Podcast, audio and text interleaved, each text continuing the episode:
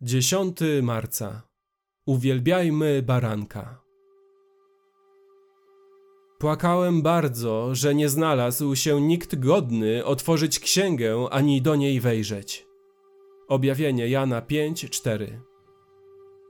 Czy myślałeś kiedykolwiek o swoich modlitwach jako o niebiańskiej woni?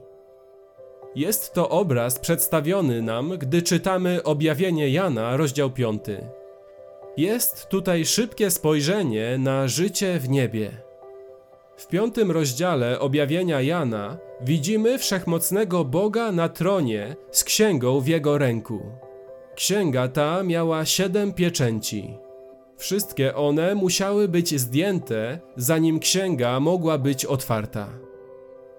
Uważam, że otwieranie księgi reprezentuje końcowe dni historii, a zdejmowanie siedmiu pieczęci reprezentuje rodzaj historii, przez które przejdziemy, zmierzając w stronę tych dni.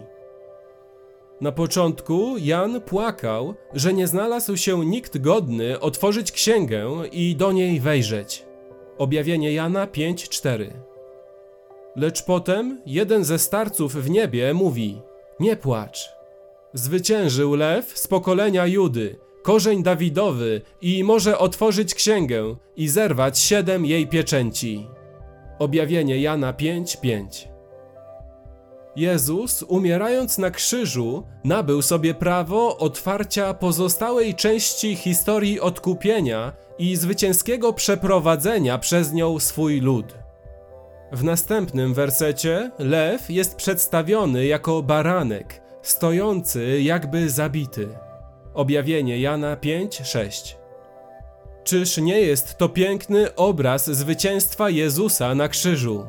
Stojący, nie leżący, pomimo tego, że został zabity. Jest to tak pewnym, jak gdyby lew pożarł przeciwnika, lecz sposobem, w który osiągnął zwycięstwo, było pozwolenie przeciwnikowi zgładzić go jak baranka. Więc teraz baranek jest godzien, by wziąć księgę historii odkupienia z ręki Boga i ją otworzyć. Jest to jak królewski czyn, że 24 starców nieba, jakby Boża Rada Uwielbienia, upada przed barankiem w uwielbieniu. A czy wiesz, czym są złote czasze wonności? Objawienie Jana 5:8 mówi, że są to modlitwy świętych.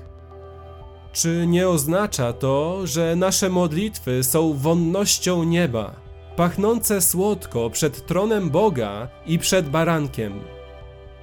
Jestem pokrzepiony i zachęcony, by tym częściej się modlić i z większą gorliwością, gdy myślę o tym, że moje modlitwy są gromadzone i składowane w niebie i nieustannie ofiarowane Chrystusowi w niebiańskim akcie uwielbienia.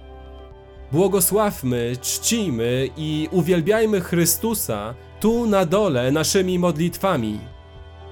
A następnie radujmy się podwójnie, że niebiańska rada uwielbienia ofiarowuje je ponownie Chrystusowi jako pachnącą słodko woń przed barankiem, który został zabity.